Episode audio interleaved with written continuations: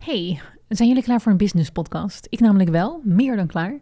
En ik ga je in deze podcast vertellen over hoe ik eigenlijk afgelopen jaar mijn business zowat naar de Filistijn hielp. Uiteindelijk is er eigenlijk niks leuker dan om te luisteren naar mensen en hun gefaalde plannen en fouten die ze hebben gemaakt. En hoe inspirerend het ook is om namelijk succesverhalen te horen. Je leert uiteindelijk echt ontzettend veel van iemand anders fouten. En ook ik leer enorm veel van mijn eigen fouten. Dus hoe ik ook heel erg naar afgelopen jaar probeer te kijken. En ook echt wel kijk, merk ik. Is dat ik denk, oh goed zo, je hebt heel veel geprobeerd. Het is allemaal bijna mislukt. Daar heb je in ieder geval van geleerd. Dus hoe ik je uh, in deze podcast wil meenemen door afgelopen jaar, is mijn grootste fouten eruit pikken en tegelijkertijd onmiddellijk vertellen welke les heb ik hiervan geleerd, wat heb ik hiervan meegenomen. In de hoop dat jij ook als je bij jezelf terugkijkt en soms misschien een beetje streng bent over jezelf, onmiddellijk raak kan gaan koppelen van hé, hey, maar ga ik dat nog een keer doen? Nee. Hé, hey, maar wat heb ik hiervan geleerd? Een belangrijke opmerking vooraf business is heel erg persoonlijk. Ik geloof heel erg dat de mindset van de ondernemer, en zeker hoe kleiner je bedrijf is en hoe persoonlijker je bedrijf is, hoe meer dit natuurlijk nog speelt. Dus de mindset en de omstandigheden en de gevoelens en de energie van de ondernemer, die bepalen ook heel erg het succes in je onderneming. En veel van de lessen die ik heb geleerd afgelopen jaar, die zijn natuurlijk dus ook nauw verweven met mijn persoonlijke omstandigheden en dingen die in mijn persoonlijk leven gebeurden. En dat zijn bij mij dan bijvoorbeeld afgelopen jaar nou, een, een echtscheiding, een emigratie, haaierige advocaten die mijn bedrijf wilden afpakken. En allemaal zulke omstandigheden. Misschien zijn het bij jou wel dat je chronisch ziek bent geworden. Of dat je um, ook een scheiding achter de rug hebt. Of bent verhuisd of een compleet andere baan hebt genomen. Je bedrijf en de ontwikkelingen in je bedrijf kunnen niet losstaan van jouw eigen leven. En daardoor is deze podcast ook weer hyperpersoonlijk, zoals je van me gewend bent. Even wat snelle context voor iedereen die nog nooit van mij heeft gehoord. Ik heb jarenlang in Amsterdam gewoond. Ik ben uiteraard Nederlands. En ik heb daar mijn eerste bedrijf gestart. Dat waren vergaderlocaties. Dat werd zo'n succes. Ik had binnen een jaar vier locaties en kwam in de media overal. Dat mensen heel veel om business tips gingen vragen. En toen dacht ik, hey, wat handig. Ik ga business tips geven via Instagram. En zo begon ik, en dat werd steeds populairder. Ik kreeg steeds meer volgers, omdat ik veel aan het delen was over hoe ik mijn bedrijf aan het leiden en het opzetten was. En zo kreeg ik zoveel volgers dat ik uiteindelijk dacht: laat ik aan deze volgers cursussen gaan verkopen over business. En begon ik, en dat is inmiddels vijf jaar geleden, begon ik mijn eerste cursus te verkopen. Die was toen 15 euro om te kopen. En daarin gaf ik tips over productief zijn en over hoe je met klanten moest omgaan en alles rondom productiever werken als ondernemer. Nou, dat bedrijf is ook enorm uitgegroeid en um, verder gegaan. En inmiddels verkoop ik iets van acht of negen cursussen voor ondernemers vooral.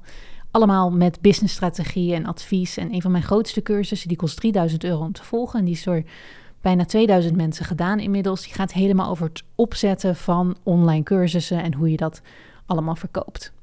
Dat bedrijf loopt dus goed. Dat, de omzet zit ongeveer rond de 3,5 miljoen vorig jaar. Dus het liep allemaal op rolletjes. Nou, zoals je ooit denkt als je begint als ondernemer, nou als ik eenmaal, laten we zeggen, een miljoen heb verdiend of dit of dat heb bereikt, dan ben ik tevreden. Zoals het nou eigenlijk gaat in het echte leven, is er toch heel vaak weer dat volgende niveau wat je wil bereiken. En ik heb al mijn hele leven, nee dat is overdreven, ik weet al vanaf mijn 21ste, de eerste keer dat ik voet op Amerikaanse bodem zette, ik was een uitwisselingsstudent, weet ik al, ooit wil ik in Amerika wonen.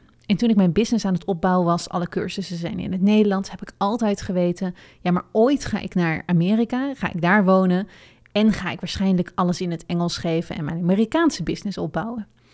Dus toen ik nu, um, dat is inmiddels twee jaar geleden, klaar was om naar Amerika te gaan, en dat was in principe bedoeld als een korte vakantie, um, was ik wel van plan te denken, nou, dan kan ik daar misschien ook alvast een beetje gaan uitzoeken hoe ik dan precies in Amerika kan verblijven en wonen. Nou, die, dat, die vakantie van twee jaar geleden die is uitgegroeid dat ik eigenlijk nooit meer ben weggegaan. Ik had hier iemand leren kennen, uh, ben ik mee getrouwd, kortstondig, grote vergissing. Hoor je zo meteen later in de podcast meer over. Um, en nu, twee jaar later, zit ik er nog. En toen ik dus halverwege, dus laten we zeggen ongeveer, uh, nou, vorig jaar kerst, besefte van, nou, ik ga niet meer weg uit Amerika en dit is het dan blijkbaar. Ik ben nu opeens geëmigreerd. Toen dacht ik dus ook, nou, dan moeten we dan nu maar beginnen met alles in het Engels doen en een Engels bedrijf opbouwen. Amerikaanse bedrijven, Amerikaanse klanten, Amerikaanse cursussen. Omdat er in mijn privévlak opeens had ik een relatie, verhuizen naar Sedona, een huis vinden, zo ontzettend veel gebeurde, gaf ik er niet ontzettend veel de tijd nog aan. Dus het enige wat ik veranderde was dat ik mijn stories op Instagram switchte naar Engels. Nou, daar hebben we al gelijk een fout te pakken. en dat wist ik ook wel hoor van tevoren. Maar op het moment dat jij dingen verkoopt via Instagram. Instagram is van mij niet alleen een hele mooie uitlaatklep om met mensen te verbinden, maar ook mijn nummer één verkoopkanaal om mensen te bereiken. En die mensen kopen dan op hun beurt bij cursus.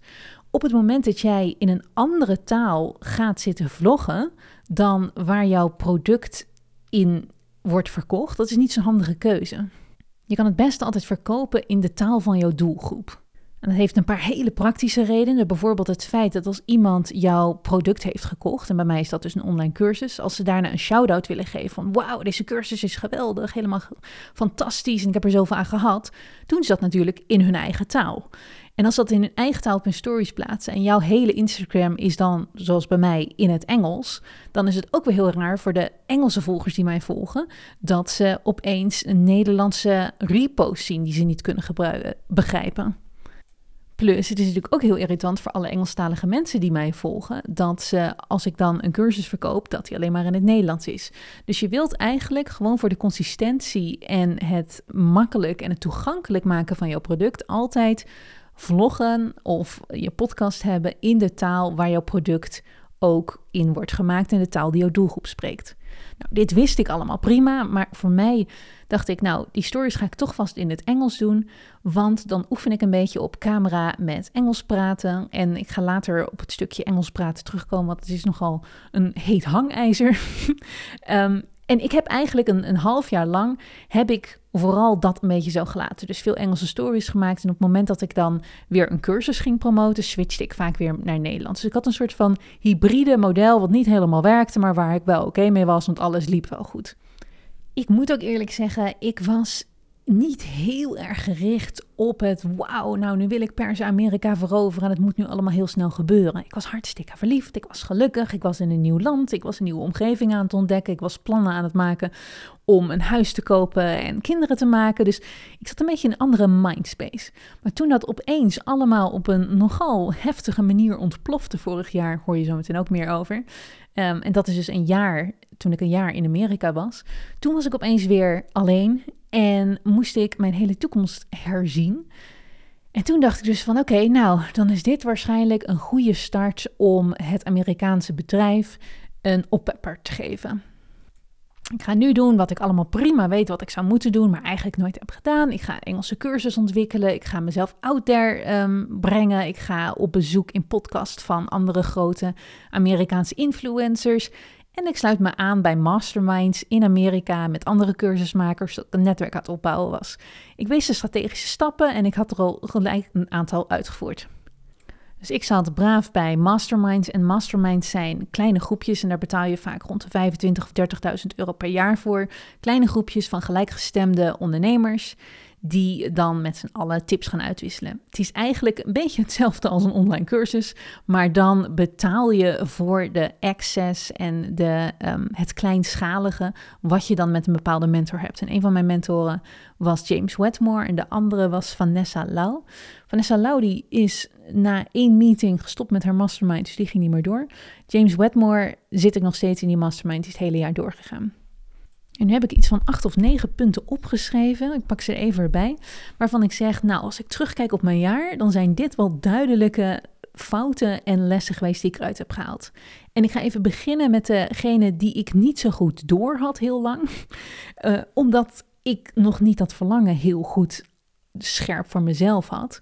Maar eigenlijk, als ik terugkijk, denk ik vanaf het begin heeft de echte passie en alignment met het doel er nooit helemaal in gezeten. Een van de dingen die ik graag doe is doelen opschrijven. Dus dan schrijf ik doelen voor mezelf. Oké, waar wil ik over een jaar staan? Wat voor soort type mens ben ik over drie jaar? Wie ben ik over vijf jaar? Over tien jaar? En normaal, het is natuurlijk normaal om dan enthousiast te worden van die doelen. En voor mij was het best wel een overgang van het idee van, alright, je hebt nu een familie en je hebt zometeen kindjes en je woont, weet je wel, ergens in een hartstikke leuk huis en alle dromen zijn uitgekomen, naar opeens weer teruggaan van, oh, je bent single, je bent nu 35 jaar, geen toekomst met kinderen in het vooruitzicht, dan gaan we wel weer business doen. En die businessdoelen, daar ben ik al, ik ben op mijn 29ste ondernemer geworden. Kijk, ik kan het heel goed. Ik weet heel goed hoe ik businessdoelen uitstippel. Maar ik werd er deze keer niet zo enthousiast van. Ik schreef dus keurig op, nou, ik zou over vijf jaar in een podcast met Tim Ferriss willen zitten. Ik zou zo meteen, wil ik nou 200.000 volgers, Amerikaanse volgers op mijn Instagram willen. Dus ik hou altijd van doelen heel erg concreet en met cijfers um, heel specifiek maken. En als ik dan naar dat lijstje keek, dan voelde ik me toch een beetje leeg. En ergens in mijn achterhoofd, en dat snap ik nu beter, was gewoon telkens het gevoel, ja, maar eigenlijk wil ik liever een baby en een gezin. Dus terwijl ik de businessdoelen neerkrabbelde van nou, je vliegt naar New York om op een event te spreken, op dit en dat event, dacht ik eigenlijk, ik zou willen dat ik een paasontbijt aan het maken was in een prinsessenjurk eh, samen met een dochtertje. Maar dat het toen die tijd, en daar hebben we het over kerst vorig jaar, nog zo ver weg leek en ik nog niet het pad in mijn hoofd zag van nou dan word ik een solomoeder, was dat iets waarvan ik dacht nou dat is nu niet concreet en dichtbij, dus we gaan ons focussen op de business. Nou, daar hebben we dus fout 1 te pakken. Dat werkt natuurlijk niet. Als jij naar jouw lijstje kijkt met wie ben ik over vijf jaar. En als je daar niet razend enthousiast van wordt. En als je hart daar niet van gaat kloppen. En als je niet denkt van, oh man, ja, hier wil ik vol vuur voor gaan. Dan zijn dat dus niet de juiste doelen. Dus daar hebben we les 1 te pakken. Als je het nog nooit hebt gedaan, schrijf een brief naar jezelf over drie of vijf jaar. Schrijf op wat je allemaal bereikt wil hebben. Waar woon je? Wat doe je? Wat is je inkomen? Hoe ziet je business eruit? Hoe ziet je familie eruit? Wie is er in je omgeving? Hoe ziet je fysiek eruit? Alles wat je maar kan bedenken over jezelf qua doelen.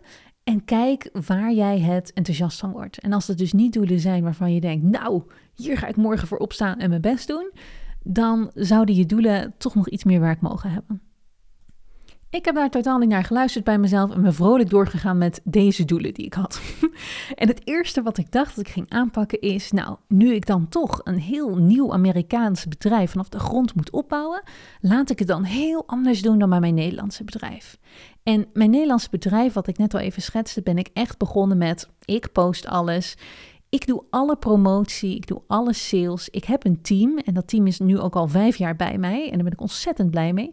Die doen de klantenservice, die zijn bij de live sessies tijdens mijn cursussen, die kennen de klanten bijna allemaal bij naam. Het is ongelooflijk. En die zijn een ontzettend fijne schakel tussen mijn cursisten en mijzelf. En ze doen het werk ongelooflijk fijn en ik hou enorm veel met een team werken. Maar zij doen niet de strategische kant van, alright Charlotte, we gaan nu zes posts maken en ehm, je moet de agenda in de gaten houden en dit staat er nu op de agenda, deze launch wordt gedraaid, uh, we moeten hier nog wat meer promotie aan geven, ik ga de salespagina nakijken.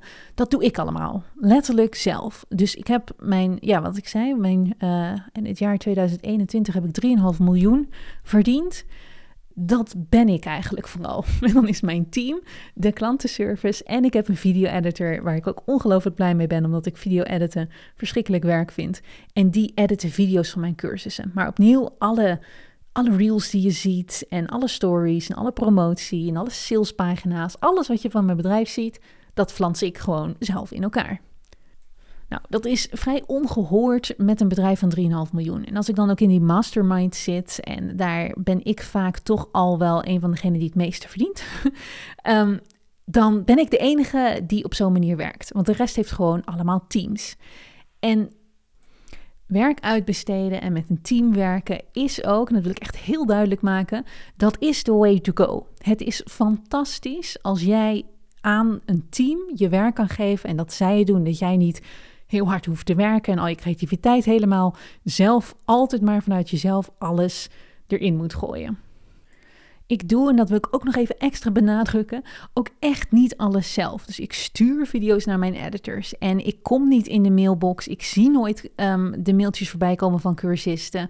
Uh, als er iets is, bijvoorbeeld een uh, abonnement van Zoom of zo, wat moet worden verlengd, geef ik dat ook aan mijn team. Er zijn heel veel dingetjes en taakjes die ik uitbesteed.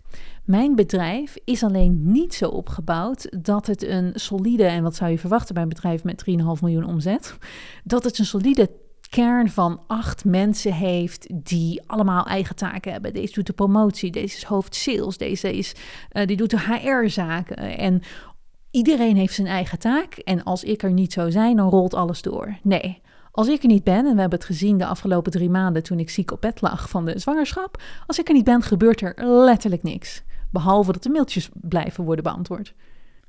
En hoewel ik dus uitbesteden kan, ik heb zelfs een cursus die heet Teamwerk, waarin ik mensen vertel, nou als je uitbesteedt, doe het dan zo. Dit zijn mijn regels om met freelancers te werken. Laat altijd een proefopdracht doen, zo onderhandel je over salaris. Dus ik weet goed hoe ik werk moet uitbesteden. Heb ik het eigenlijk altijd prima gevonden, zo in mijn eentje de dingen dragen. Maar ik dacht dus nu, nou, we gaan alles anders doen. We gaan een Amerikaans bedrijf opbouwen. Dit gaan we eens even via de goede manier doen. Charlotte, vanaf nu ga je alles uitbesteden. En jij bent alleen nog maar als een soort van queen bee, de grote goeroe die de dingetjes vertelt. En het uitvoerende werk en strategische werk wordt verder eigenlijk allemaal gedragen door je team. Dus ik begon met een ambitieus plan. Ik weet niet of je het nog weet. En ik zei: Alright, ik ga 30 mensen aannemen. Internationaal team, overal over de wereld. En ik had een hele filosofie bedacht hoe ik dacht dat het goed zou werken. En het kwam er in het kort hierop neer dat ik iets van tien verschillende teams had. Een team copywriters, een team video editors, een team uh, social media, een team mensen die, wat was dat alweer, volgens mij precies uh, reels alleen maar zouden maken. Een team wat zich alleen met de cursussen zou bezighouden, een team website. En in die teams zouden dan allemaal freelancers um, over de hele wereld in verschillende tijdzones. En die freelancers werden dan weer aangestuurd door twee managers. En een van de managers was voor mij in dienst. De andere manager was ook een freelancer. En die twee managers gaven die teams dan continu taken. Dus als ik opeens bedacht, nou, er gaat dan nu een reel komen waarin ik vijf tips geef over hoe je meer geld moet verdienen, dan hoefde ik alleen maar te zeggen, dit is een beetje het idee. Dan konden de copywriters die tekst gaan schrijven, dan konden de video-editors de video's erbij bedenken. En zo zou dat dan allemaal heel mooi geharmoniseerd een fantastisch eindproduct worden wat ik kon gebruiken. En hoefde ik dus niet meer zelf achter mijn telefoontje reels te zitten Nou, je raadt het al, dit werkte voor geen meter. Echt, absoluut, absoluut niet. Een grote bakel vanaf het begin. Aan de ene kant kwam dat omdat, en dat ben ik, ga heel hard klinken, maar de kwaliteit van de mensen was soms gewoon niet goed genoeg. Dan, hadden we, dan kwamen er teksten terug en denk ik, dit, dit, dit kan niet. Dit zijn geen goede teksten. A, er staan spelfouten in. En nu ben ik echt de eerste die 100 spelfouten maakt. Maar goed, ik zie het soms wel bij anderen. Um, en B, dit verkoopt niet. Dit is geen sales tax. Dit kan je niet zeggen dat. Dit is niet goed, jongens. Dit is niet goed. En waarom het ook niet werkte, was gewoon natuurlijk de gigantische overhead-structuur met het hoeveelheid heen en weer gemail en georganiseer en gedoe. En ik heb dit, met dit experiment ben ik twee maanden heb ik het geprobeerd. En dat was vorig jaar, ik wil zeggen januari en februari. En elke dag was ik zo gefrustreerd dat ik bijna huilend van vermoeidheid s'avonds in mijn bed kroop. Om de, gewoon de energie die het kostte om opeens 30 mensen te moeten aansturen. En de hele tijd werk terug te krijgen waarvan ik denk: wie de fuck levert dit in op deze manier? dit is niet de kwaliteit waar ik naar op zoek ben. Klinkt nu als een enorme bitch. Ik moet er zelf ook om lachen, want dit is natuurlijk 90% mijn schuld. Wie bedenkt zo'n systeem en neemt 30 mensen aan? Allemaal freelancers trouwens hoor. Dus er is geen man overboord um, op het moment dat ik er meer mee stopte. Behalve mijn schaamte dat het natuurlijk allemaal niet helemaal was gelukt zoals ik het wilde. En um, dat ik graag had gezien dat iedereen wel fijn en gelukkig aan het werk was geweest. Maar wat mij natuurlijk ook ontzettend duidelijk was, is dat ik absoluut leiderschapskwaliteiten miste. Leiderschapskwaliteiten niet in de zin van: hey, Charlotte is de CEO en die kan die, die, die, mag beslissen hoe, hoe shit gaat. Nee, letterlijk de leiderschapskwaliteiten die je nodig hebt om in een team met acht of negen mensen de boel goed aan te sturen. En nu heb ik daar nooit een geheim van gemaakt. En ik heb bijvoorbeeld ook echt in mijn cursus Teamwork, zeg ik heel duidelijk, dit is geen cursus leiderschap. Want dat is niet mijn sterke punt. Ik hou niet van met mensen samenwerken. Ik ben niet een mensenpersoon. Dus dit is een cursus gemaakt voor mensen die eigenlijk met mensen werken heel moeilijk vinden en willen weten hoe ze efficiënt, doelgericht taken kunnen uitbesteden aan freelancers. En ik dacht dus nu, nou, weet je wat, we gaan aan die leiderschapskwaliteiten werken. En gelukkig toevallig in de mastermind uh, van James Wedmore was daar ook heel veel aandacht voor, voor de leiderschaps. Dus ik heb urenlang um, video's zitten kijken, cursussen zitten doen, boeken zitten lezen over hoe ik mijzelf meer als manager-leider in het bedrijf kon gaan inzetten. In plaats van wat ik nu was, eigenlijk een soort van alleenheerser die besluit. Deze kant gaat het bedrijf op. Ik heb opeens zin om morgen een cursus te lanceren. Hopsa, we gaan het allemaal doen. En ik laat aan mijn team wel weten wanneer de cursus begint, want daar begint hun rol pas met het communiceren en het heen en weer gaan tussen de cursisten. En ehm, eh, als het gaat over, over nou ja, de cursus. Ik moet zeggen, ik ben trots op het kleine stukje progress wat ik daarin heb gemaakt. En ik weet ook echt nog dat mijn team aan mij teruggaf. Ik had inmiddels al lang niet meer dat team van, van 30 mensen. Ik dacht, we beginnen nu gewoon met mijn eigen team. Laten we daar beginnen. Ehm, dat ze ook echt zeiden van, wow, we kunnen echt zien dat je dingen hebt geleerd. Bijvoorbeeld het ehm, geven van verantwoordelijkheid aan iemand. Als iemand zich verantwoordelijk over een taak voelt, echt voelt van, nou, ik heb hier zeggenschap over en het ligt aan mij of dit goed gaat komen of dat het helemaal in de soep loopt, dan is iemand veel meer geneigd natuurlijk om daar met passie in te zitten en die taak goed te doen. Ik heb ook geleerd beter feedback te geven. Ik was altijd van diegene die dan zei: Nou, dit heb je heel goed gedaan. Dit ging volkomen kut, helemaal fout. En dit deed je weer heel goed. Weet je wel, die, wat ze noemen een shit sandwich. dat je dus het een soort van probeert te verzachten, maar dat het uiteindelijk helemaal niet fijn overkomt. En dan heb ik bijvoorbeeld ook geleerd dat je dus mensen zelf moet vragen. En hoe vond jij het gaan? En wat, weet je wel, waar zouden jouw verbeterpunten zitten? En ik had, nou ja, ik allemaal zulke, en die kan je allemaal lezen als je allemaal zulke leiderschapsboeken gaat lezen. Ik had allemaal zulke verbeterpuntjes toegevoegd. Ik had ook, uh, opeens ging ik met schema's werken en ging ik met lijsten werken. Allemaal dingen die ik normaal nooit deed, want ik deed toch altijd alles zelf. En opeens ging ik dus verantwoordelijkheden aan mijn team geven. En ik zag mijzelf dus groeien als een leider. En ik zag ook dat het echt effect heeft. En dat als ik dit op de lange termijn maar door zou zetten en blijven ontwikkelen, dat ik waarschijnlijk een loeisterk um, team zou kunnen krijgen. Waar ik heel veel verantwoordelijkheden uit handen kon geven. Dus aan de ene kant zou je denken: wat is hier nou gefaald aan? Nou, ik was ondertussen doodongelukkig. Ik vond er geen reet aan. Ik vond het niet leuk om niet zelf verantwoordelijk te zijn voor het maken van de salespagina. Of om niet zelf verantwoordelijk te zijn voor of het webinar heel erg goed werd geluisterd. En nu vind ik het helemaal niet erg om niet verantwoordelijk te zijn voor hele kleine taakjes zoals een webinar publiceren of de laatste edit te doen. En ik hoef echt niet overal de puntjes op de i te gaan zetten, want daar ben ik niet zo heel goed in. Maar ik ga heel erg aan in ondernemerschap van opeens een idee bedenken dat binnen 10 minuten eruit tikken, onmiddellijk uitvoeren, de eter in te gooien en te kijken wat er gebeurt. En het bedrijf wat ik hier langzaam aan het bouwen was, was ik in die rol niet nodig. Sterker nog, was ik in die rol alleen maar heel irritant, want dan zou ik opeens weer allemaal taken en verantwoordelijkheden van mijn team gaan zitten overnemen. Ik begon ook de feeling te missen. Ik had ook, en daar blijf ik bij dat met dit hele systeem, want er is heel veel te zeggen. Als ik dit keurig had doorgezet, dan zou ik waarschijnlijk, of waarschijnlijk, dus 100% zou dat heel goed zijn voor mezelf en voor mijn bedrijf. Maar tegelijkertijd vind ik de controlerende functie die je eigenlijk op zo'n moment hebt, dus dat je daarna bijvoorbeeld naar de salespagina kijkt die andere mensen hebben gedaan om nog eens even te checken of alles goed staat, bijvoorbeeld. Die vond ik veel minder leuk, want dan zag ik 50 dingen die ik anders zou willen. Maar ja, dat heeft iemand anders al gemaakt en dan kan ik het wel allemaal over gaan doen dat zou dus twee keer zoveel tijd en geld zijn. Terwijl als ik het gewoon vanaf het begin had gedaan, was het en sneller geweest. Want laten we eerlijk zijn, als ondernemer ben je gewoon het allersnelst in je eigen bedrijf, in alles. En had ik niet de frustratie gehad dat ik dan dat hele stuk moest doorlopen, met iemand begeleiden. En vertellen van nou, ik wil het eigenlijk een beetje zo hebben of dit moet anders. En ik was zo krampachtig aan het proberen op dat moment om niet te veel te micromanagen en mezelf echt overal los van te trekken. Dat ik nog weet dat een, dat een van de kleine taakjes die moest gebeuren was dat alle bonussen, ik geef altijd bonussen bij mijn cursussen, dat alle bonussen op de salespagina gepubliceerd werden. Dat mensen weten welke bonussen erbij horen. En dat was een kwestie van tien knopjes, tien schuifjes heen en weer zetten.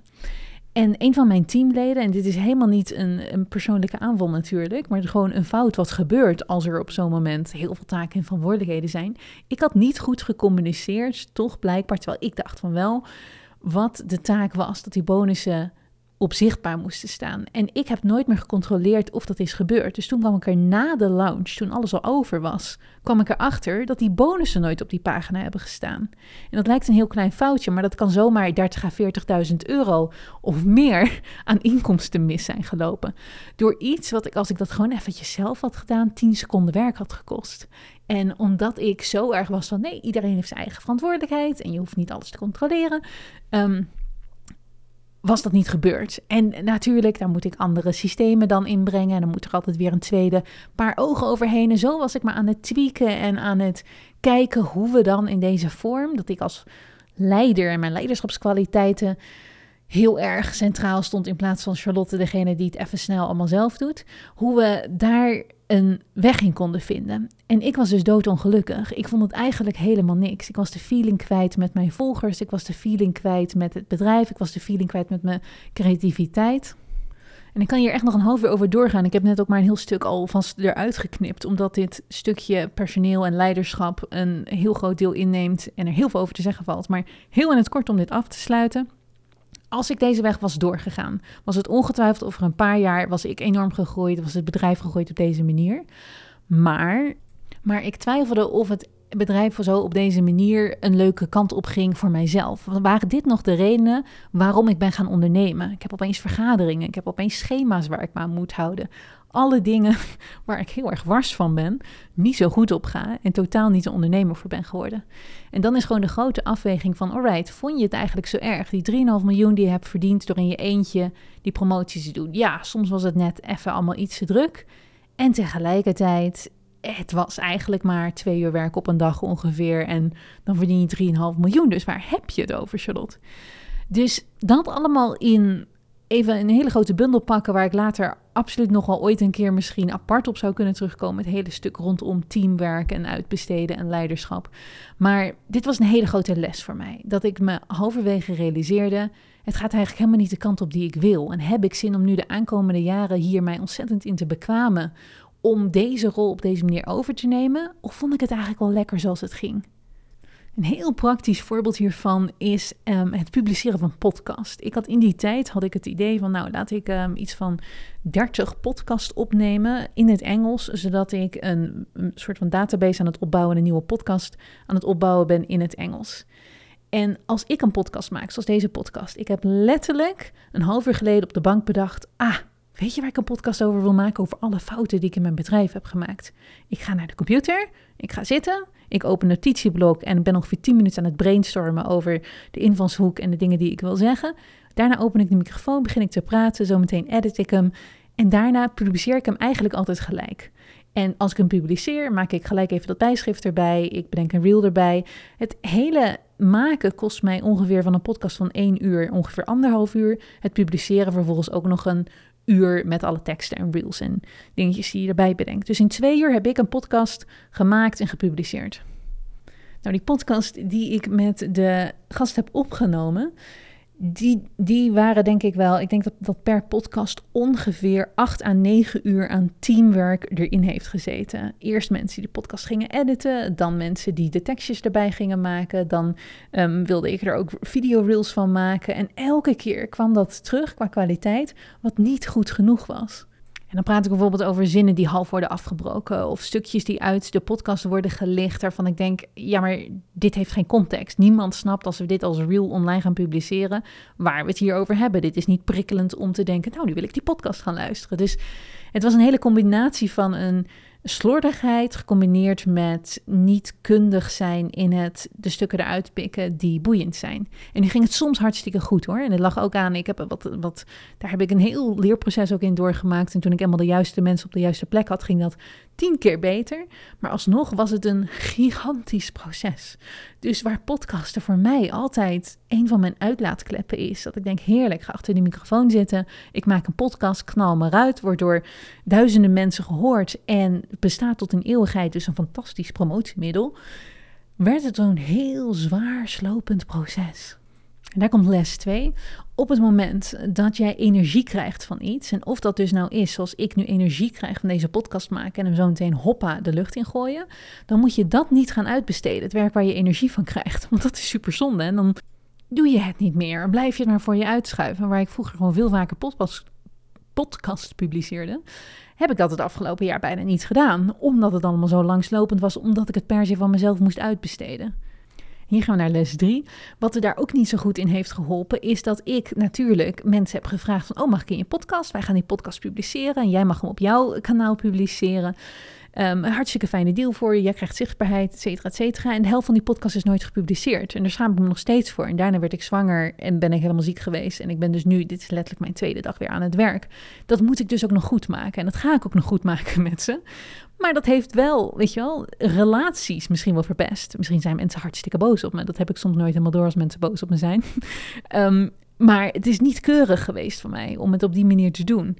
En ik kan ook echt bij sommige mensen, dan zie ik een post van, van hen voorbij komen op Instagram. Dan denk ik opeens, oh, dat interview. Oh, dan moet ik dat interview nog ergens publiceren of aankondigen of iets, iets mee gaan doen. En dan kan ik er echt van, ja, even helemaal van me apropos zijn. Nou, wat speelde er allemaal nog meer dit jaar in mijn business? Terwijl ik dus met al mijn focus bezig was om met dat Engels en met die leiderschapskwaliteit en die nieuwe manier van een heel nieuw Engels bedrijf op te bouwen, was ondertussen ook al de belofte gedaan van mij een half jaar eerder dat er weer een cursusronde van mijn cursus over een cursus leren maken zou komen. Die geef ik normaal twee keer in het jaar. En die stond gepland voor april.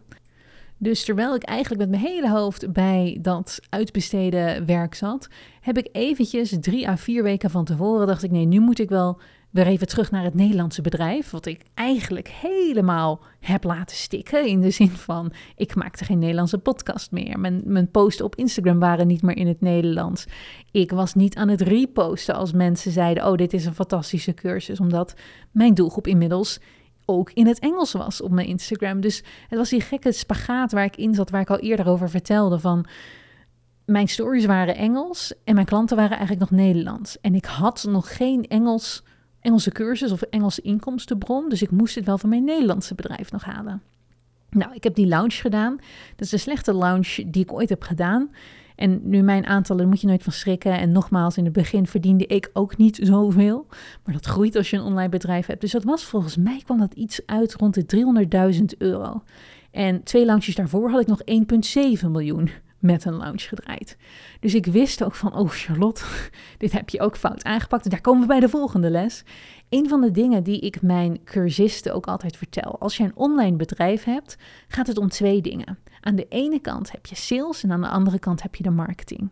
De sales is tegen mensen zeggen: Joe, koop mijn product, koop mijn cursus.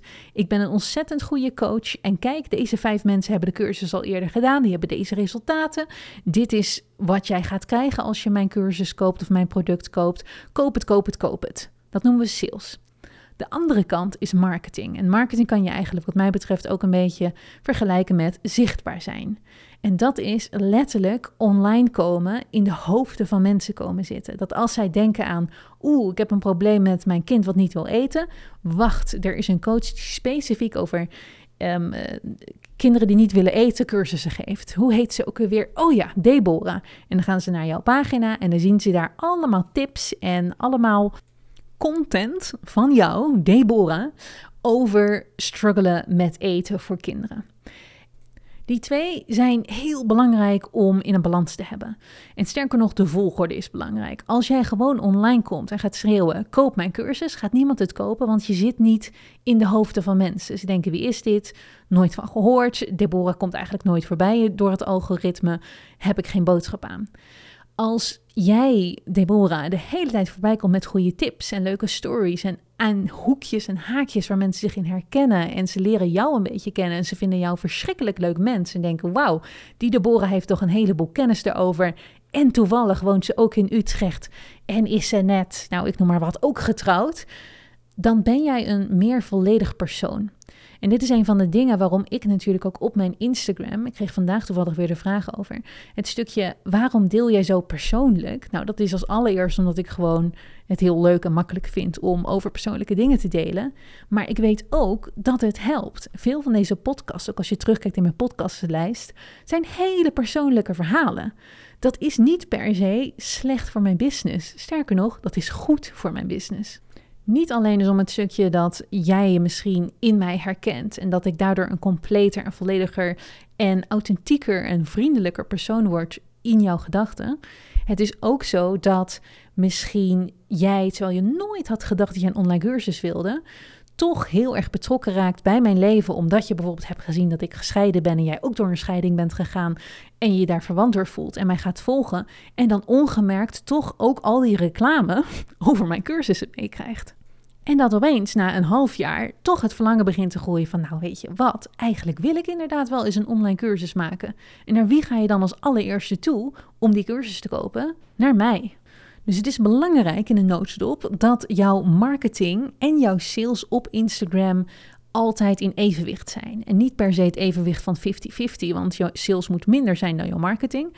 Maar wat ik bijvoorbeeld deed, uh, fout afgelopen jaar, is dat ik de hele freaking tijd, jongens, over mijn hond heb zitten vloggen. Dat is geen goede marketing. Ja, het is hele leuke marketing voor mensen die een hond hebben en mij alleen maar volgen omdat ik een hond heb. Maar dat zijn niet per se de mensen die, ja, een paar van zullen, precies wat ik net zei, misschien uiteindelijk het verlangen gaan voelen om een cursus te maken. Maar ik merkte dat er heel veel mensen bij zitten die ook gewoon een fulltime baan hebben, nooit ondernemer zouden willen worden en mij alleen maar volgen om Bella te zien. Bella, mijn hond. En ook continu DM sturen. Waar is Bella? Wat vindt Bella hiervan? Laat Bella eens meer zien. Dit is 100% mijn eigen schuld. Wat ik onder andere fout heb gedaan is, als je op mijn profiel keek, dan zag je daar drie foto's van mij met een bezweet hoofd hikend door de rotsen van Sedona lopen. Acht foto's en reels van Bella in haar karretje op mijn fiets.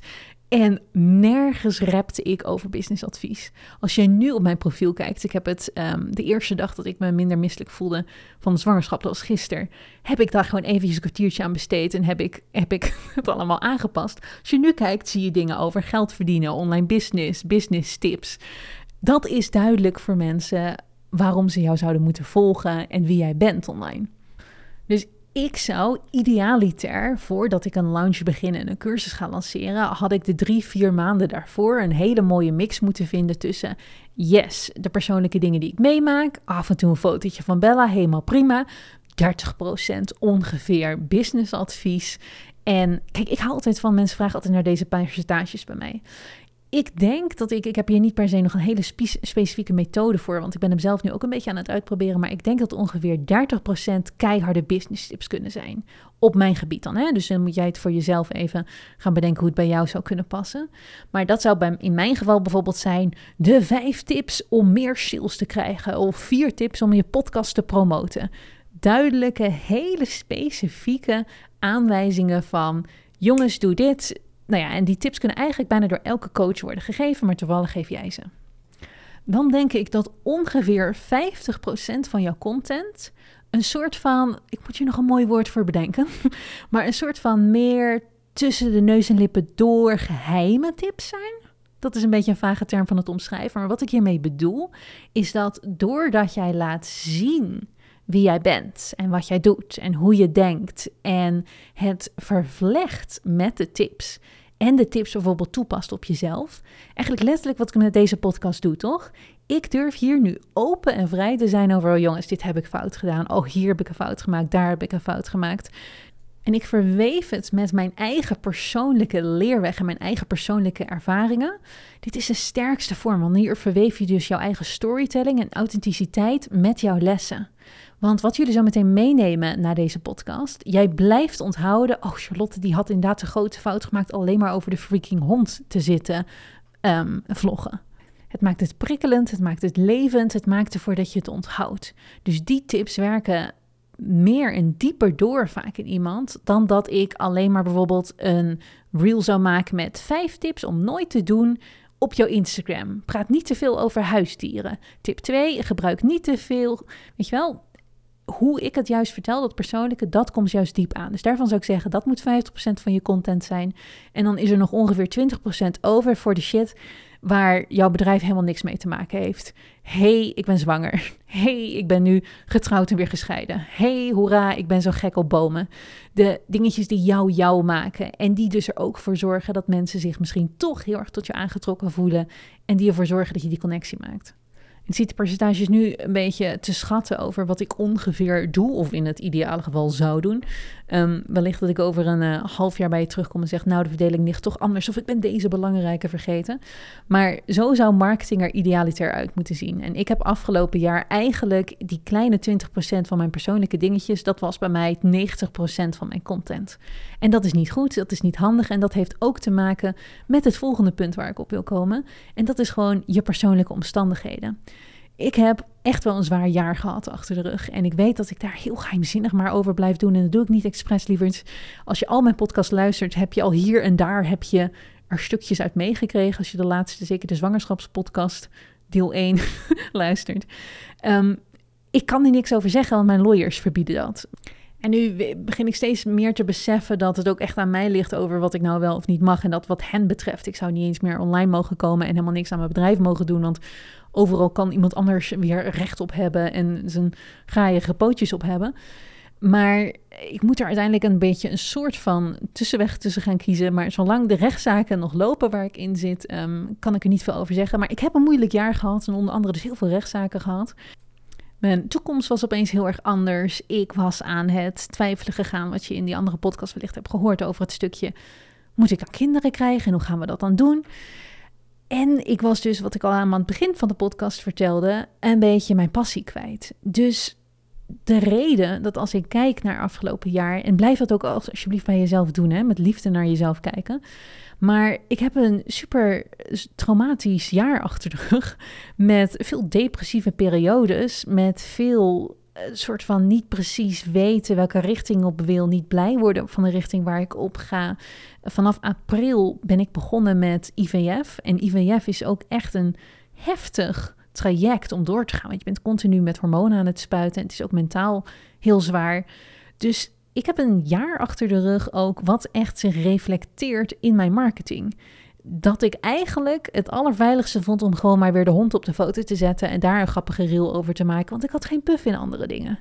En ik ging door heel veel zelftwijfel heen en het stukje van ik kon niet meer op mijn intuïtie vertrouwen. En ik was zo kwaad op, op geld onder andere. Dat is een van de dingen, mijn relatie met geld, waar ik zo hard aan heb gewerkt, die was afgelopen jaar een beetje in elkaar geduikeld. Dat ik, en dat is heel goed, want het is eigenlijk heel fijn als dat gebeurt, want dan kan je weer opnieuw fris naar kijken. En ik heb mijn eigen geldprogramma opnieuw doorlopen, alle meditaties gedaan, alle oefeningen gedaan, de brieven aan geld geschreven. En ik ben er geloof ik weer helemaal bovenop. Maar dat was echt een, een ja, ik, ik moest weer vertrouwen krijgen in dat geld en ik, dat ja, dat geld goed voor me was. Want ik heb heel erg het feit dat ik veel geld verdiende, heb ik de schuld gegeven van dat ik verkeerde mensen aantrok. En wat er allemaal met mij was gebeurd, dat zou nooit zijn gebeurd als ik niet geld had verdiend. Of als ik niet zo vrijgevig was met mijn geld. Of niet zo naïef van vertrouwen met mijn geld. En ik begon zelfs geld na mijn scheiding, toen het allemaal eh, was gebeurd, begon ik het geld de schuld te geven ook van. Oké, maar hierom wil ook niemand met jou daten. Weet je wel, mannen voelen zich minder waardig naast jou. En als je niet zoveel geld had, was het allemaal niet zo moeilijk geweest. Nou, dan kom ik weer bij een volgende les. Als jouw relatie met geld op zo'n moment zo verstoord is en je het eigenlijk liever wil wegduwen, dat is ook niet een ideale broedomgeving om jouw bedrijf te laten bloeien. Want de kern van een bloeiend bedrijf is dat jij geld verdienen leuk vindt. En dit heeft altijd gelijk heel veel mensen die zeggen: nee, dat is niet waar. Het moet je passie zijn om mensen te helpen. En daar ben ik helemaal met je eens de passie om mensen te helpen en de passie om problemen op te lossen, dat is een ongelooflijk belangrijk onderdeel van een bedrijf. Maar het zou geen bedrijf zijn en het zou gewoon een hobby zijn of gewoon een liefdevol persoonskenmerk van jezelf, als jij niet geld verdienen er keihard centraal in het midden van jouw bedrijf zet. En als jij geld verdienen eigenlijk niet leuk vindt en dat eigenlijk wil wegduwen, ben je eigenlijk aan het zeggen: Mijn bedrijf hoeft niet zo groot te worden. Mijn bedrijf hoeft niet meer mensen te kunnen bereiken. Want ik wil eigenlijk niet meer geld hebben. Hoe groter jouw, jouw bedrijf is, hoe meer impact jij kan bereiken. Hoe meer mensen jij in kan huren, bijvoorbeeld, om jou mee te helpen met de missie. Dus hoe meer geld jij tot je beschikking hebt, en is altijd een hele fijne oefening als je dit heel moeilijk vindt om hiermee, um, hoe noem je dat, tot vrede te komen, is op te gaan schrijven. Stel je voor, je hebt een miljoen wat nu aan jou en je bedrijf wordt gegeven. Dus opeens staat er een miljoen. En je mag het niet aan persoonlijke dingen uitgeven, maar puur alleen dingen om jouw bedrijf mee beter te maken. Hoe zou je miljoen dan besteden? dit vinden mensen een hele moeilijke oefening, want dat is aan de ene kant wil iedereen het heel graag. Oh ja, dan zou ik. En aan de andere kant is het heel moeilijk om dat praktisch te maken wat ze dan zouden gaan doen. En juist als je hier toch een uurtje de tijd voor neemt en gaat opschrijven van nou, dan zou ik drie mensen aannemen. Hun jaarsalaris zou bijvoorbeeld 70.000 euro per jaar zijn. Die gaat hierop zitten, die daarop, die daarop. Dan zou ik een uh, kantoor openen en blad. Weet je, als je het echt helemaal gaat verdelen, dan kan je opeens een gigantische impact zien die jij met je bedrijf zou kunnen hebben als er gewoon veel meer geld in om zou gaan. Als jouw jaarrekening opeens een miljoen winst zou kunnen laten zien. Ik ben helemaal afgedwaald van mijn punt, maar de grote les die ik onder andere leerde was dus van, alright, Charlotte die gaat ook door heel veel dingen heen dit jaar. En dit is niet de ideale broedomgeving van een bedrijf hebben. En dat had dus ook heel erg zijn weerslag in hoe ik mij in nieuwe plannen die ik maakte, in hoe ik mij op mijn Instagram uitte en waarom jullie dus zo ontzettend veel van Bella hebben gezien. Ik ga nog drie fouten vertellen die ik heb gemaakt. Een van de dingen die je mij vaak hoort zeggen als je bij mij in een cursus zit, is dat ondernemerschap onder andere bestaat uit twee dingen. Aan de ene kant heb je de skills. Daar hamer ik altijd heel erg op. Wat kan jij goed? Dus kan jij op een camera praten? Kan jij een tekst schrijven die mensen overtuigt om te kopen? Kan jij in een gesprek met een klant aanvoelen wat de klant wil? Waar liggen jouw skills? De andere kant is, wat is jouw output? Wat is er daadwerkelijk met al jouw skills in concrete resultaten van te zien? Wat is het aanbod wat je hebt? Hoeveel salespagina's heb jij? Heb jij een duidelijke structuur waar klanten zo kunnen navigeren en vanaf jouw Instagram bijvoorbeeld naar, het kassa, um, naar de kassa kunnen gaan? Hoeveel producten verkoop jij? Hoeveel, hoeveel marketingkanalen heb jij en hoeveel volgers heb je daarop? Hoeveel output doe jij? Hoeveel stories maak jij op een dag of reels breng jij uit? En deze twee liggen soms bedroevend ver uit elkaar. In de zin van het wil niet zo altijd zo zijn dat iemand met meer skills bijvoorbeeld meer output heeft. Je hebt mensen die um, braaf elke dag drie posts op hun Instagram zetten. En op die manier dus aan marketing doen. En tegelijkertijd die posts worden door twee mensen gezien. Omdat ze qua skill, qua kwaliteit zijn ze zo slecht. Hun skill is niet goed genoeg in die post. Dat ze totaal geen effect hebben. En tegelijkertijd heb je mensen die waanzinnig zijn in een bepaalde skill. En het komt er maar niet uit omdat ze in de faalangst zitten of in de overtuiging zitten dat iets heel erg moeilijk is om te doen en dat zij het wel niet kunnen. En zie je dus die output niet. Mijn cursussen leren je dus ook altijd daarom die combinatie van die twee dingen aan. Ik ben er ook altijd vrij streng in op mijn cursisten in de live sessies die ik hou met Alright. Maar je hebt nu 70 podcastafleveringen gemaakt, maar je ziet het aantal luisteraars niet klimmen. Daar gaat iets mis. Daar zit iets in jouw skill. Wat kan je gaan verbeteren in de kwaliteit van jouw podcast? Moet jij duidelijker praten, interessantere titels bedenken? Kan het zijn dat jouw microfoon moet worden veranderd en heb je dat niet door? Dus letterlijk gaan gaan durven kijken naar jezelf waar je kan verbeteren, dat is heel, heeft heel erg met skill te maken. En durven kijken waar jij over jouw eigen faalangsten heen moet zetten, over jouw perfectionisme heen moet zetten, heeft heel erg met output te maken.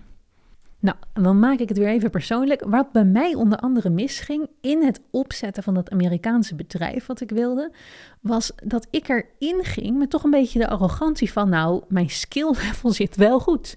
Ik ben hartstikke goed in podcast, een van de meest populaire business podcast. Mijn Instagram gaat goed, ik ben goed in community bouwen, mijn stories lopen altijd goed. Ik ken mijn cijfers, ik weet dat ik 3,5 miljoen kan verdienen in mijn eentje. Qua skill zit het goed komt ook bij als ik met iemand hier in Amerika praat, eigenlijk altijd toch wel, en dit klinkt heel arrogant jongens, ik ga het toch gewoon zeggen, want soms mag je overtuigd zijn van de dingen die je goed kan, dat ze heel snel zeiden van, wow, wat zou ik dit graag willen leren? Heb je hier een cursus over? Zou je dit in het Engels kunnen doen? Of als ik in een mastermind zat, dat ik toch ook wel merkte van het niveau van mijn tips of de kwaliteit die ik kan inbrengen in nou, hoe ik dingen zou aanpakken, die ligt hoog. Ik wist dat ik mee zou kunnen gaan op het gebied van, nou ja, van kwaliteit die je zou moeten kunnen leveren in Amerika. De output aan de andere kant bij mij was nog 0, 0, niks. Dus ik had geen Amerikaanse cursus, ik had geen Amerikaanse salespagina. Het enige wat ik had waren mijn Amerikaanse stories op mijn Instagram-account. En daar had ik letterlijk 200 Amerikaanse volgers die heel erg mondjesmaat binnendruppelden. Omdat, bless your souls, jullie, en ik ben zo gek op jullie, echt waar. Maar het was eventjes onhandig dat jullie zo'n, dat ik zo'n hechte community heb gebouwd in Nederland. Want het algoritme weigerde, ondanks mijn volhardheid dat ik alles in het Engels deed, mij in Amerika te laten zien. Dus elke reel die ik maakte, waar die normaal, als ik dat gewoon met in Amerika had gemaakt, zou worden laten zien aan een Amerikaanse doelgroep werden mijn reels en um, werd mijn Instagram alleen maar getoond binnen Nederland, omdat nou eenmaal natuurlijk 99% van mijn doelgroep in Nederland zat en Nederlands sprak en heel enthousiast altijd aan het liken en het reageren was. Dus ik kwam daar maar niet overheen in de zin van dat mijn output, ondanks de skill die ik in stories ook wel in het Engels bezat, dat mijn output um, ja, de resultaten gaf die, die ik wilde. Maar toen dacht ik, niet getreurd, maakt niet uit. Ik maak dan zo meteen wel een ander nieuw Instagram-account aan, helemaal in het Engels bijvoorbeeld. En er zijn honderd andere dingen die ik met al mijn skills gewoon wel allemaal nu snel voor elkaar kan krijgen. Om de andere podcast. Laat ik wat podcast in het Engels maken en net zoals in het Nederlands even snel een soort van nou ja, Amerikaanse podcast ga opzetten. Nou, en toen moest ik dus erkennen dat de skill die ik in het Nederlands heb, vlot kunnen praten, en daar heb ik natuurlijk allemaal lang voor geoefend. Jullie horen nu een podcast, ehm, dit is mijn podcast nummer 33 of zo. Dit is jarenlange training. Ik ben ook public speaker, ik weet hoe ik to the point moet praten. En in het Engels was het allemaal zoveel lastiger, zoveel stroperiger. En er kwamen zo ontzettend veel twijfels op. En ik had er geen plezier in. Het voelde als een struggle. Het voelde moeilijk. En ik ben journalist geweest, jarenlang, voor NRC onder andere. En ik ben heel specifiek over woordgebruik. De salespagina's, die ik dus ook allemaal zelf schrijf. Ik gebruik daar heel bewust bepaalde woorden of uitdrukkingen, omdat ik weet, nou, dit verkoopt bijvoorbeeld beter. En dit overtuigt beter, of wel dit woord, niet dat woord. En in het Engels heb ik die vaardigheid niet. Ik kan prima in het Engels kletsen. En ik, heb ook, ik ben een paar keer geïnterviewd, omdat ik toch eenmaal dus daar mijn best voor deed in het begin, in grote podcast van andere mensen. Gaat allemaal prima, niks, weet je wel. Ik heb natuurlijk een gigantisch Nederlands accent, maakt me ook niet uit. Dat vinden ze in Amerika toch alleen maar schattig. Dus daar maakte ik me niet zo druk om. Maar het ging meer om de hele specifieke formulering die in het Nederlands zou nelen. Dat ik echt wist van, oh, in het Nederlands zeg ik het precies zo om te zeggen wat ik wil zeggen. En in het Engels was het dan net anders. En dan vond ik het net minder krachtig. En ik kan hier heel lang over doorgaan over het verschil tussen Engels en Nederlands. Mijn onzekerheid over en mijn, mijn tegenzin eigenlijk bijna om bijvoorbeeld ook Engelse video's te maken of Engelse reels te maken. Omdat het allemaal zo ontzettend veel lastiger was voor mij dan gewoon even snel in het Nederlands eruit te knallen. Um, maar waar ik me even op wil concentreren is dus dat ik merkte van, oh wow, de skillset die ik in het Nederlands heb opgebouwd, die moet ik eigenlijk hier in het Engels weer opnieuw opbouwen. Ik moet opnieuw leren om een hele goede, aansprekende podcast te maken. Ik moet opnieuw leren om in het Engels een hele goede salespagina te maken. En alhoewel ik niet helemaal vanaf nul natuurlijk begin, begon ik ook niet vanaf het niveau, laten we zeggen 80, waar ik mijzelf op had gezet um, uh, in Nederland. Dus mijn skills in het Engels waren opeens veel lager dan gedacht. En wat er toen gebeurde, heel interessant, is dat ik de output voor me uit ging schrijven.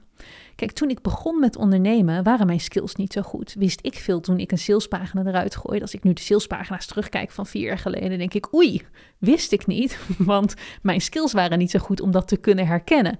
Dus ik was vrij tevreden met de output nu met een skillset in het Nederlands van heel hoog, in het Engels van het heel laag, werd de output die ik bracht, vond ik gewoon telkens niet goed genoeg. En er zat zeker een stukje uitstelgedrag en perfectionisme en allerlei dingen waar ik in principe ook wel goed mee om zou kunnen gaan. Maar dat gecombineerd met het hele, wil ik dit wel in het Engels? Ik lijkt bijna alsof ik een herhaling aan het doen ben van mijn Nederlandse bedrijf. Ik zie die toekomst niet zo voor me.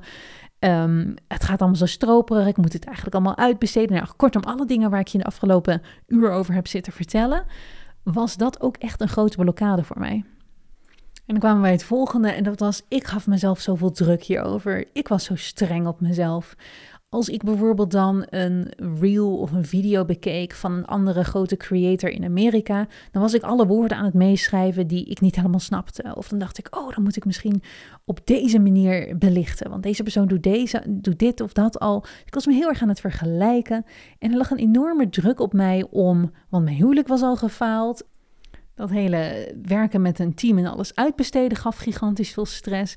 En ik dacht gewoon van ja, maar ik, dit, dit moet ik toch wel kunnen maken. Ik moet het toch wel kunnen maken in Amerika. En daarbij optellend ook alle mensen die maar bleven zeggen, wat super lief is natuurlijk, van oh, maar er is zoveel behoefte aan jou in Amerika. Ik geloof het ook van harte. Maar het voelde gewoon niet als de tijd. Het voelde niet, het voelde gewoon niet in alignment. Het voelde niet vloeiend. Het voelde niet, ik kreeg er geen energie van. En dat kwam uiteindelijk allemaal samen toen ik zwanger werd. En ik daarvan voelde: oh wacht, dit is het. Je wilt een gezin, Charlotte. Je wil kinderen. Je bent klaar om, nou, kinderversjes te zingen en je gezin op te bouwen, met de baby te krolen. Dit is echt waar jouw hart nu helemaal van aangaat. En toen ik dat doorhad, en in mij dus ook uiteindelijk de stap zetten om niet alleen, ik, ging eerst mijn eicellen invriezen, daar dacht ik, we gaan er embryo's van maken. En toen ik een telefoontje kreeg van, nou er zijn embryo's, wat wil je nu? Dat ik echt, echt door mijn hele lichaam voelde, dit, dit wil ik, ik wil zwanger worden, nu. Um, daarna verandert natuurlijk ook van alles als je echt zwanger bent. En ik denk nog niet eens uh, dat ik echt kan beseffen wat er allemaal gaat veranderen. Maar ik moet er natuurlijk al wel vast rekening mee houden. En helemaal omdat ik een solomoeder ben en alles van mij afhangt. Niet alleen het inkomen voor dit meisje wat er zo meteen aankomt. Ook gewoon, ik ben de, ik ben, ik, ja, ik ben het voor haar. Ik, ik moet de verantwoordelijke zijn. En dit leidde niet alleen tot een soort van depressie en paniek in de eerste weken, waar ik een podcast over heb gemaakt trouwens, of eh, in gedachten, ik heb hem alleen op notitie gemaakt, maar ik ga hem voor je, voor je uitschrijven. Dat is een podcast helemaal specifiek over, alright, je ziet iets aankomen, een grote transformatie in je leven. En dat kan uh, voor mensen zwangerschapsverlof zijn of een zwangerschap. Het kan mensen zijn die zeggen, nou, volgens mij ben ik, ben ik op een burn-out aan het uit, uitsteven. Of mensen zeggen, nou, ik ga eindelijk mijn wereldreis maken of ik ga emigreren. Er gaat in ieder geval een periode komen waarvan je nu al van tevoren weet... Hmm, ik kan waarschijnlijk niet op dezelfde manier doorgaan zoals ik nu ga doen. Wat zijn mijn scenario's? Hoe ga ik mijn bedrijf, ik heb hier specifiek voor ondernemers natuurlijk, hoe ga ik mijn bedrijf zo organiseren dat het deze levensveranderende transformatie kan doorstaan. Voor mij was het zo dat ik echt ben gaan zitten en allemaal scenario's ben gaan uitschrijven. En een van die scenario's is natuurlijk, um, nou ja, ik ga ze nu niet allemaal bespreken, daar is die aparte podcast voor. Maar ik kwam uit op het scenario wat bij mij het best zou passen: terug naar mijn roots. Weg met alle grote plannen voor dat hele Amerika um, bestormen. Weg met alle plannen van alles willen uitbesteden en die hele leiderschapkant op moeten gaan. Weg met alle plannen van het moet in het Engels en moet ik misschien nog een Instagram-account. Ik moet mijn skills gaan oplevelen. Terug naar oud en vertrouwd, mijn Nederlandse bedrijf, wat nog steeds een miljoenenbedrijf is. Als ik het niet zo bar en boos in de steek zou hebben gelaten afgelopen, afgelopen jaar. um, terug naar de de, de dingen waar ik blij van werd in het begin. Waar ik van aan ga staan. Terug naar de, ook de connectie met mijn Nederlandse doelgroep. Ik ben zo ontzettend gek op jullie. En ik weet dat dat altijd heel overdreven klinkt als ik het zo zeg in een podcast. En weet je wel, dat we elkaar niet persoonlijk kennen. Maar voor mij voelt het wel zo. Voor mij voelt het alsof ik een hele levendige community heb. Vol met warme vrouwen die door dezelfde dingen heen gaan waar ik doorheen ga.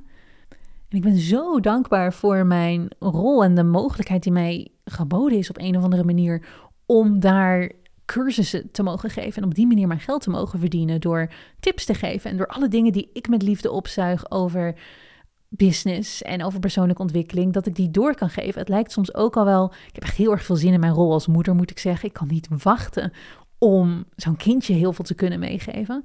Maar qua delen voel ik al heel erg alsof ik mijn eind mijn ei kwijt kan. Het voelt ook al echt heel erg alsof um, ja, het met liefde wordt ontvangen. Soms de lessen die, waar ik pijnlijk en huilend doorheen ga.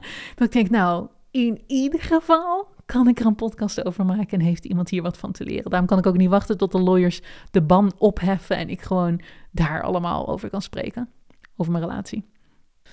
Nou, en dat heel pragmatisch naar mijn bedrijf kijken, naar de opties die ik heb voor mijn bedrijf nu ik zwanger zou worden en de aankomende jaren waarschijnlijk in, weet je wel, in, met jonge kinderen zit. ik zeg altijd kinderen, iedereen denkt dat ik een tweeling krijg. Nee, dat is niet zo.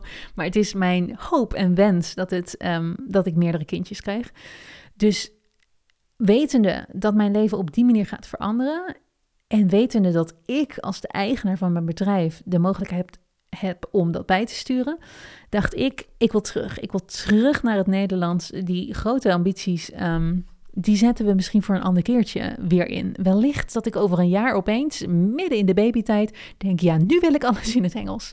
Wellicht komt er een kans op mijn pad. Dat ik denk, oh, dit vloeit. Ja, nu wil ik toch naar het Engels toe. Want ondanks dat het soms struggelen was, in het Engels gaan in plaats van het Nederlands voelde voor mij wel als groter en als vrijer. Ik kan niet zeggen van nou, Nederlands voelt voor mij als de grootste keuze om te maken, als je me goed hoort.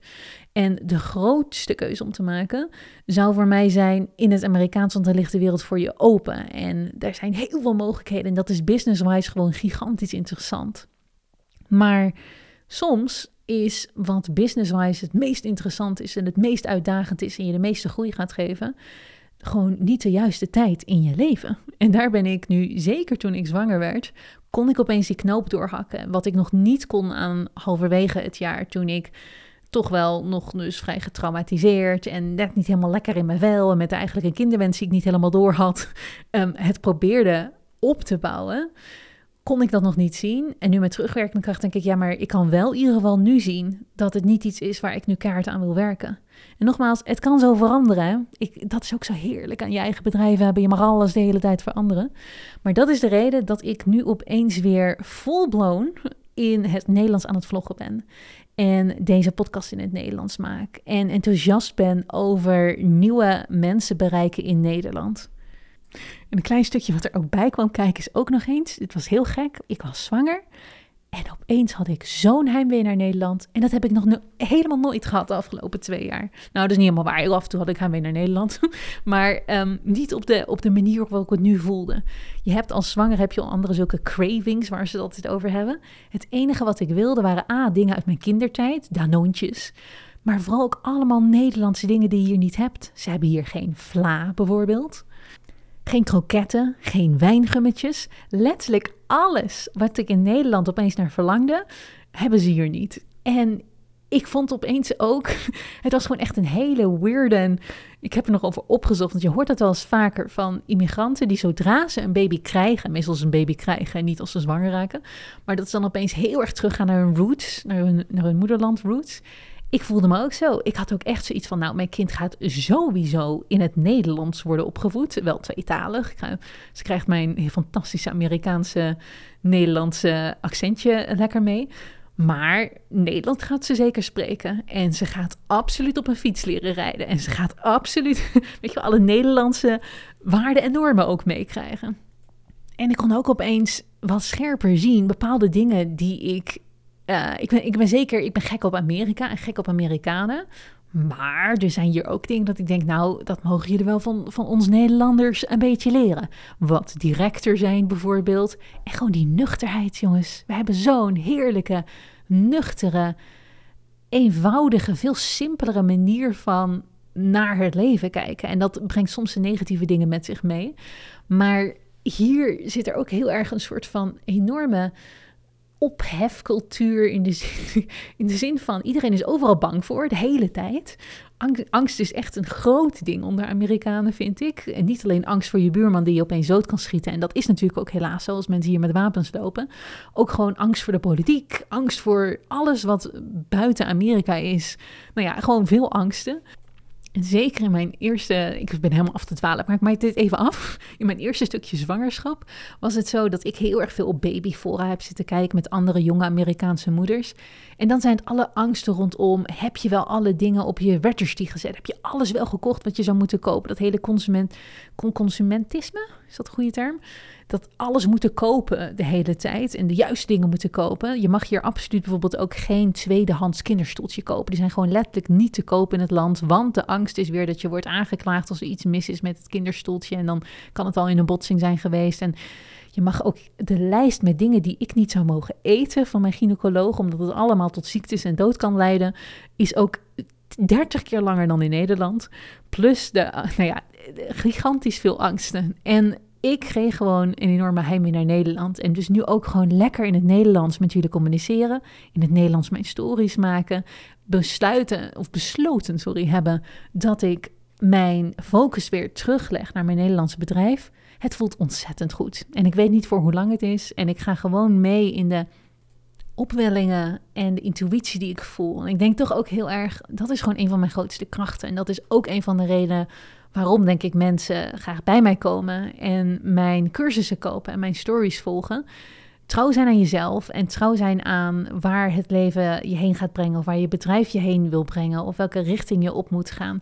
Daar hoort ook heel erg bij dat je dus af en toe niet weet. Dus ik kijk nu ook terug op dit afgelopen jaar met liefde en met vreugde, ik denk van, alright, heb ik echt veel van geleerd. Die kant met, weet je, alles uitbesteden, dat was niet de kant om op te gaan.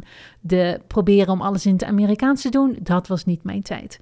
Zolang je jezelf terug kan roepen, en dat kan soms dus, zoals bij mij nu, een jaar hebben geduurd. En er zijn in dat jaar zijn er periodes geweest dat ik huilend op de bank zat te denken, ik heb alles verpest, al mijn schepen verbrand.